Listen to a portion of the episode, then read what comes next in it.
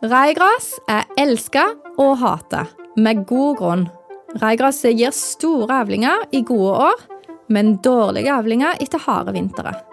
Raigraset tåler hyppig slått, i motsetning til timotei, og kan gi super kvalitet. Og det er jo nyttig når vi skal bedre grovfòrkvaliteten og produsere mer melk og kjøtt på norske ressurser. Mange plasser i Norge er det utelukka å dyrke flerårig raigras, fordi det ikke tåler harde vintre. Men må det være sånn? Eller kan vi bruke raigras på en bevisst måte, sånn at vi kan hauste fordelene, men redusere risikoen for brun eng om våren? Du hører på podkasten Bondevennen. Mitt navn er Ingvild Luteberget Nesheim.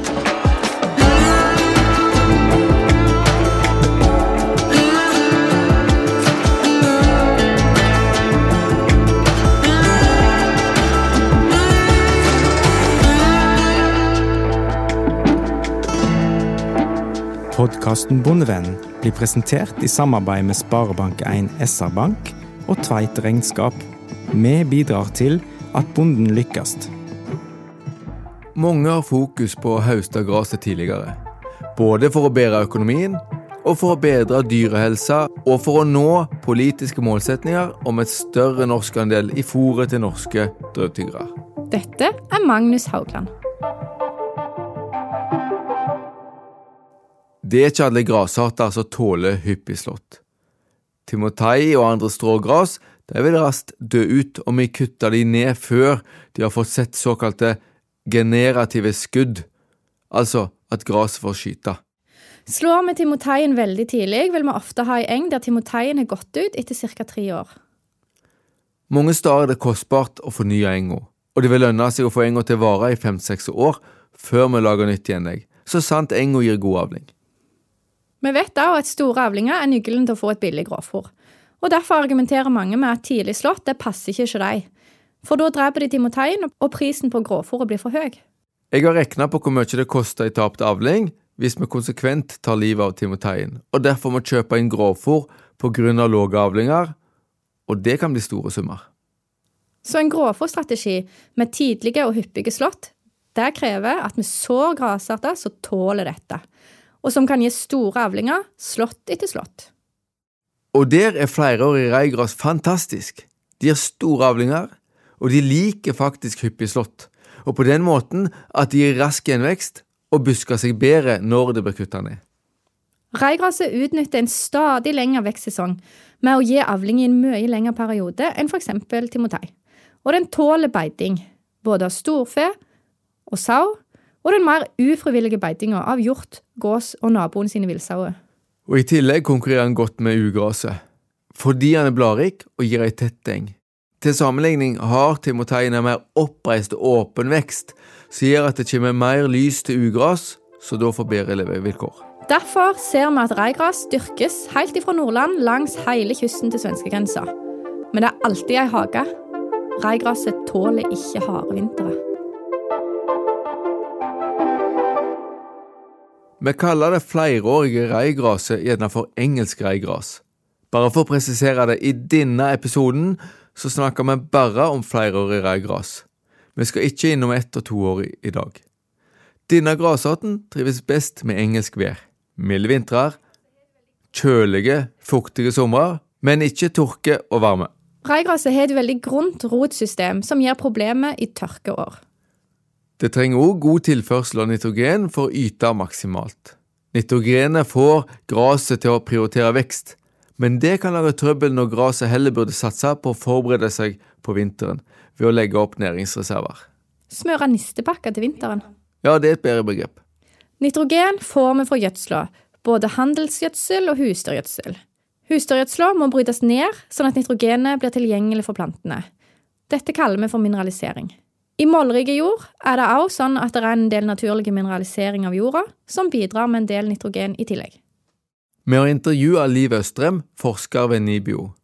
Hun har forska på reigras, hva som må til for at det skal overleve, og hvordan vi kan bruke grasarten uten for mye risiko.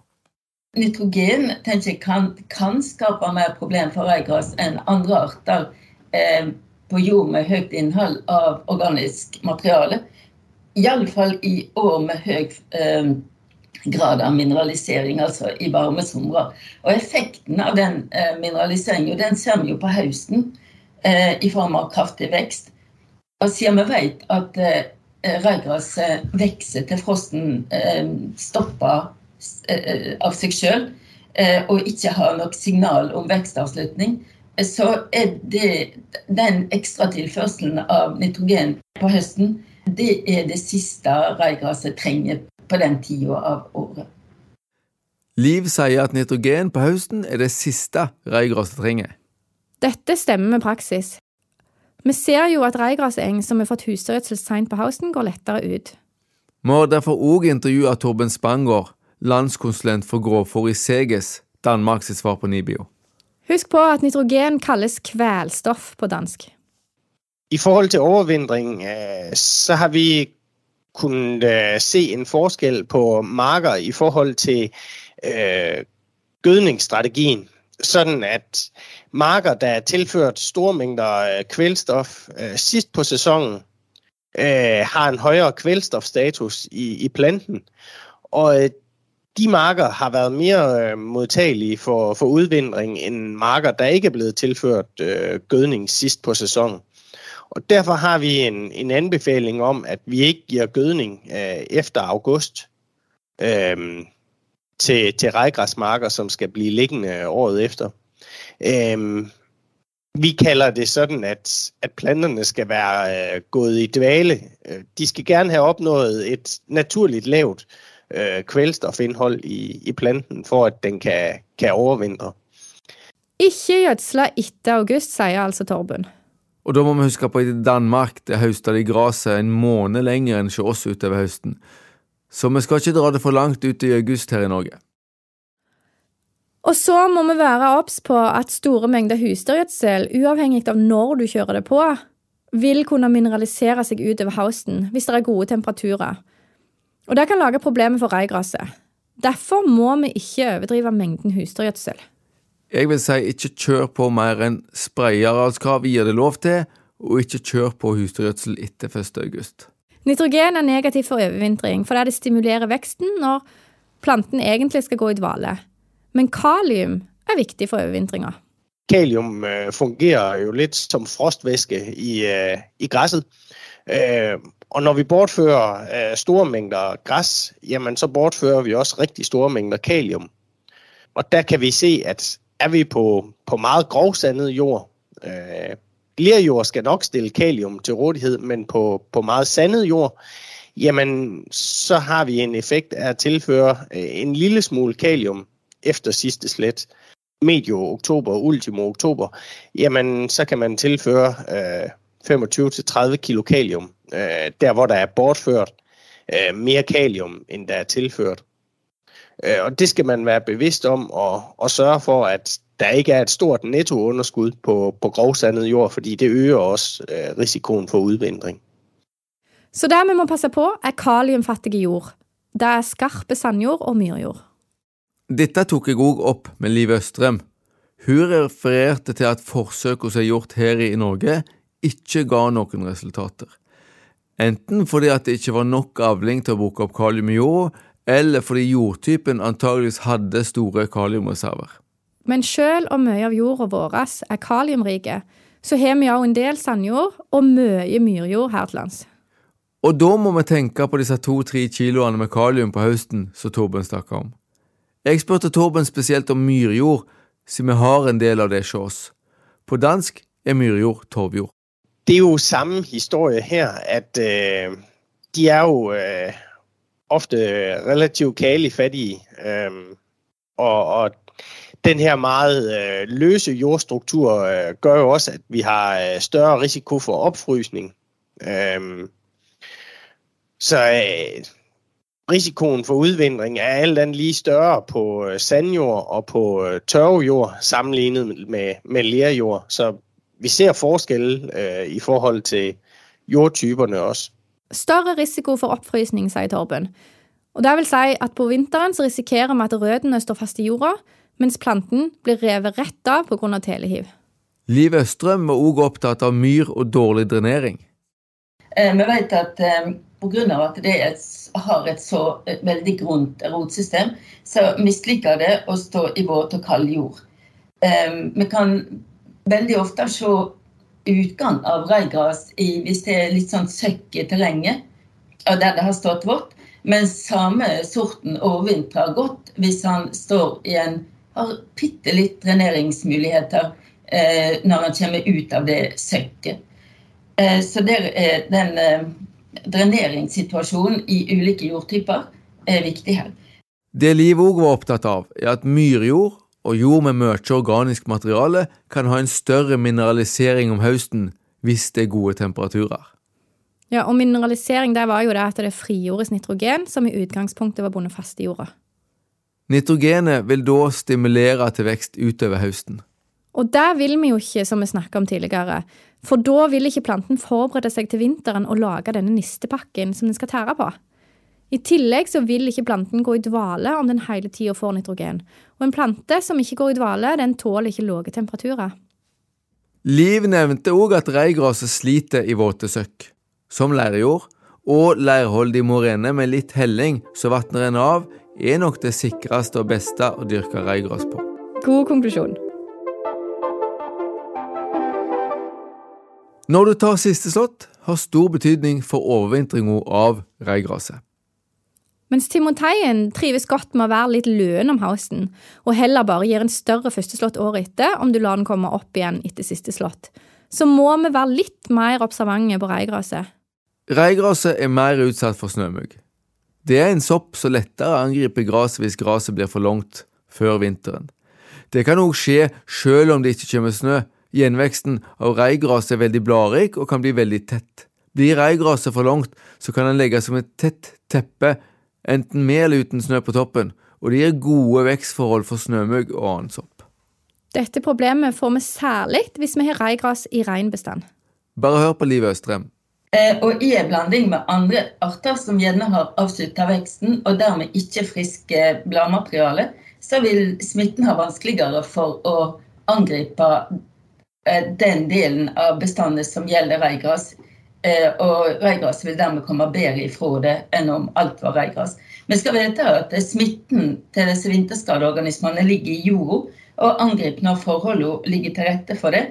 Eh, og da en mindre del reigras, eller der de finner mat, det vil totalt sett komme best ut. Men det er ikke sånn at vi skal vente lengst mulig med å ta siste slått for å ha reigraset så kort som mulig, bare for å forebygge snømugg og sopp. I forsøk ser vi at hvor tid vi tar slåtten om høsten, har stor betydning for hvor stor avling vi får i første slått året etterpå. Tar vi en sein siste slått, kan vi ende opp med at den avlingen vi får da, den taper vi i første slåtten neste år. En stor førsteslått er ofte av bedre kvalitet enn en sein siste slått. Men skal du først ha en sein slått på reigrasset, så er det viktig å stubbe høyt. Det har blitt bekreftet i forsøk, bl.a. av Tor Lundan i Planteforsk. Som nå heter Nibio. Men litt av poenget med reigras er jo at det har mange slåtter, så hvis en bare skal ta to seine slåtter uansett, og ikke beite utover høsten, så kan en like godt holde seg til timotei. Denne episoden er sponsa av Felleskjøpet Rogaland Agder. Felleskjøpet arbeider hver dag for din lønnsomhet som bonde, og for lokal og norsk matproduksjon. Ta kontakt med en av våre konsulenter, eller gå inn på nettsidene våre bondekompaniet.no. Som vi har snakka om i tidligere episoder, så finnes det et hav av reigrassorter. Og det kan føles ut som en jungel å sette seg inn i.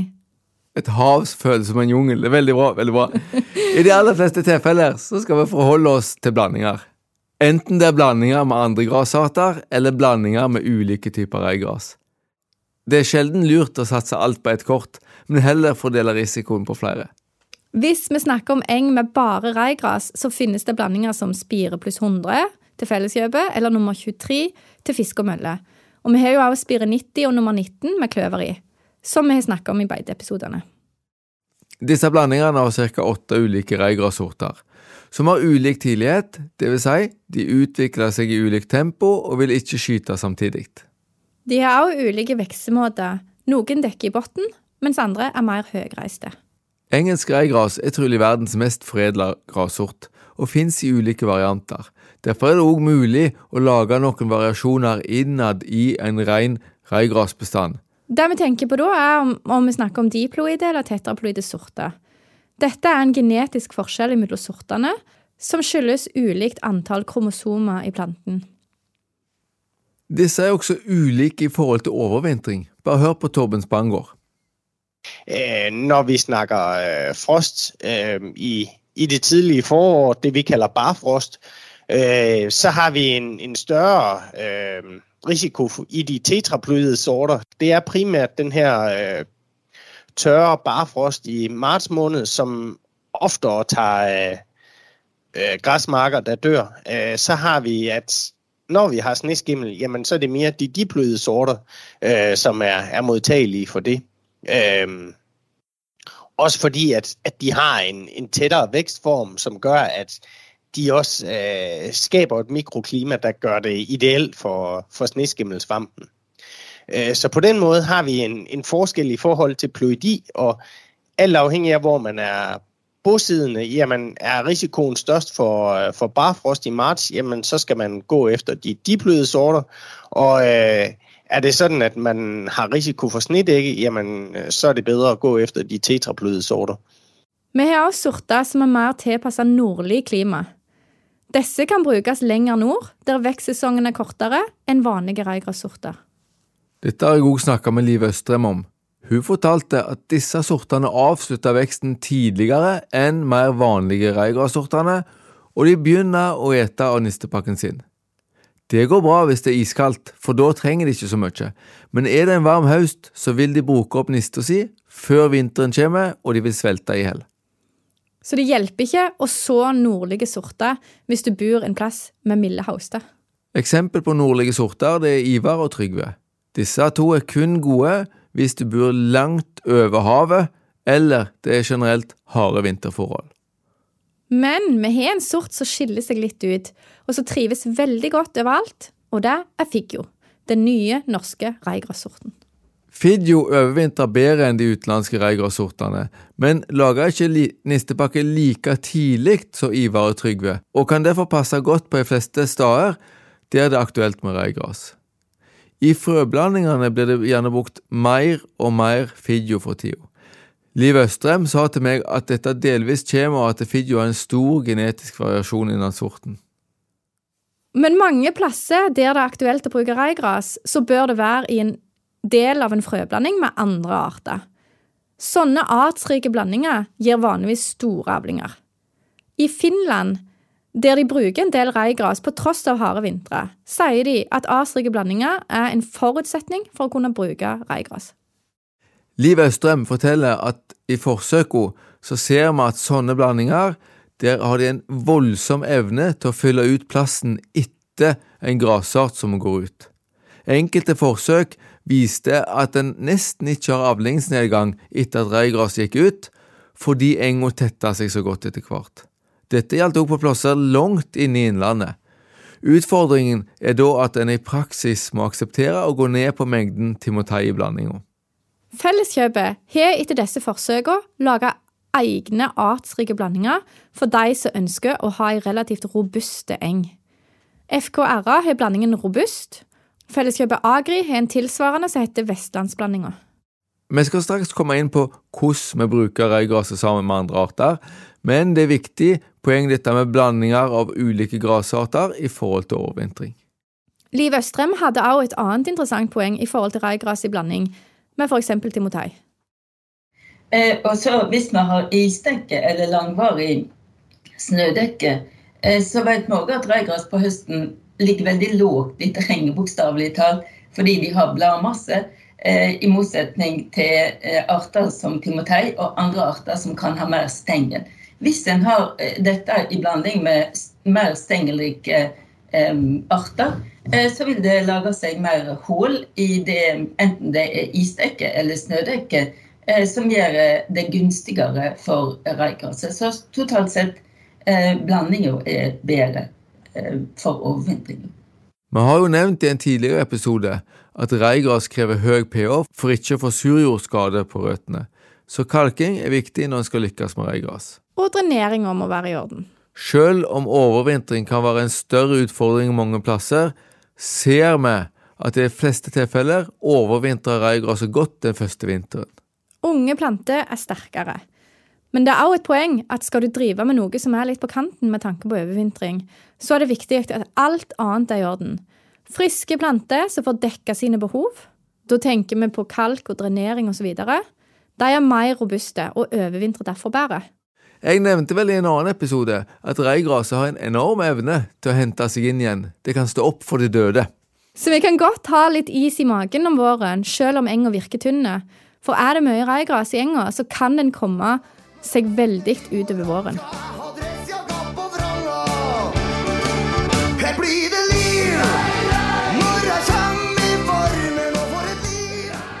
Og dette er jo bevis på at trønderne har god erfaring med reigras. Eng med kun reigras passer best i områder med milde vintrer. Men bruksområdet for reigras er ikke begrensa til bare Jæren.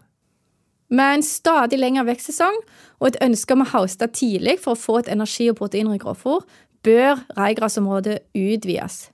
Men da oftest som en del av en grasblanding. Den populære frøblandinga Spire pluss 10 har 10% reigras.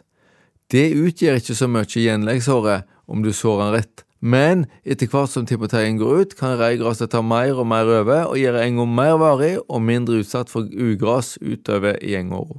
Hvis vi ønsker å satse på tidlig slått grovfôr, så kan det være en bevisst strategi å så f.eks. spire pluss 10 eller en ren timoteiblanding for å ha med timoteien de første engåra, og deretter direkte så med flere reigras for å få en mer og mer reigrasdominert eng etter hvert som timoteien går ut. Da er det lurt å begynne å direkte så allerede fra andre enger, mens det fortsatt er litt ope i enga og plass til reigrasspirene for å etablere seg. Direktesåing det skal vi ta for oss i en annen episode. Har vi et sånt opplegg, så vil vi i et fornuftig omløp av eng på gården alltid ha noe unge timoteieng og noe eldre reigrasseng. Og på den måten sikrer vi at ikke alt enga går ut i harde vintre.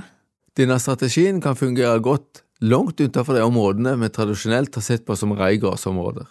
Vi har snakka med Runar Haugland, som bor i Nordfjordeid, langt nord på Vestlandet. Dette er et område vi ikke forbinder med milde vintrer og reigras, men her viser det seg likevel at reigraset fungerer fint. Vintrene har eh, stort sett gått bra. Ehm, vi har jo areal som ligger helt ned med fjorden. ehm, der det er knapt nok snø i det hele tatt. Eh, og det ser jeg helt nede i bygda går det bra. Jeg har òg prøvd dette her helt opp under ja, på 300 meter, der eh, nå ligger der 1,5 meter snø, og jeg ser faktisk røygraset overleve over flere år. Men det blir tynnere enn nede i bygda. Men det som er lengst nede, det er jo tette, fin røygraseng etter tre-fire år òg. Et ei isåing. Så jeg er ikke så, jeg er ikke så veldig bekymra for overvintringa her, altså. Så vi trenger ikke være kategoriske på hvor reigrasset kan brukes. La oss høre hvordan Runar gjør det i praksis. Eh, måten eh, jeg gjør dette her på, da, det er å, å være tidligst eh, mulig ute om våren. For eh, det jeg ser, det er at eh, i april så kan det tørke opp veldig fort. Eh, og da er det om å gjøre å være tidlig ute mens det ennå er råme i jorda, som vi sier. At det er fuktighet i jorda. Men dette blir avveining i forhold til å kjøre sønt. da. Eh, så i fjor da var det et areal, da sådde jeg eh, reigras to dager etter snøen var vekk. Et, men det er et utgangspunkt et, ei sandrik jord da, som er kjøresterk. Men hadde på veldig tidlig, sånn at det enda er god fuktighet i jorda. Kjører på med seksmeters einbøk eh, luftassistert såmaskin, og så tromler jeg rett etterpå. Og så har jeg på husdyrgjødsel, kanskje bare dagen etterpå der igjen. På den måten så ser jeg eh, Får vi temperatur da, så ser jeg at det spirer etter 10-14 dager. Vi har jo snakka om fordelene med å ha med reigras i enga, og Runar var opptatt kvaliteten på reigraset heller seg lenger enn timoteien. Det vi ser andreplasser, naboen som har drevet med dette og egentlig all enga si veldig mye med reigras, han ser jo det at det, kvaliteten Han har ikke bruk for å stresse med det. da. Men denne her nye timoteienga den er jo livsfarlig vet du, i fint vær.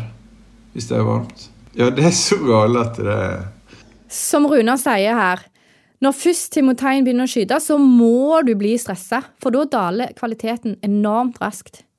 Litt mer avslappende å ha en del innslag av reigras. Runar ser òg at han utnytter vekstsesongen i Nordfjorda bedre. Ja, Det ser jeg på ene skiftet med reigras. I fjor så slo vi 1. juni, så slo vi eh, 15. juli, så slo vi 27. august, og så ble det beita med saude igjen i slutten av september. Og det fikk jo gjenvekst etter den beitinga, så den står jo veldig fint etter egentlig i praksis nesten fire slåtter. Så det er jo det som er litt argumentet her nå, for at vi ser det at vi, vi, vi Klimaet det, det går mer over på en treslåttstrategi. Ja, Ingvild, skal vi oppsummere? Raigrasområdet bør utvides hvis vi skal nå målsetningen om mer og bedre grovfôr. Reigras tåler hyppig slått og hard beiting. Det gir god kvalitet og store avlinger. Vinteren er en utfordring, men gjør du de rette tinga, kan du auge oddsen. Unngå nitrogen for seint på høsten. Sørg for godt drenert jord og høy pH. Bruk blandinger med mange arter. Da er risikoen for avlingssvikt mye mindre. Raigraset overvintrer bedre i blanding med andre arter som timotei enn i reinbestand. Unngå for seine slått, og sett igjen en høy stubb hvis du hoster etter august. Du har hørt på podkasten Bondevennen. Mitt navn er Ingvild Luteberget Nesheim. Til daglig er jeg rektor ved Vinterlandbruksskolen i Ryfylke. Og mitt navn er Magnus Haugland. Jeg er lærer ved Vinterlandbruksskolen og rådgiver i Norsk landbruksrådgivning Rogaland. Har du spørsmål eller tilbakemeldinger, så kan du sende oss en e-post på podkast at bondevennen.no. Episoden er spilt inn i ABC Studio i Etne. Lyd ved Stig Morten Sørheim. Takk for at du hørte på.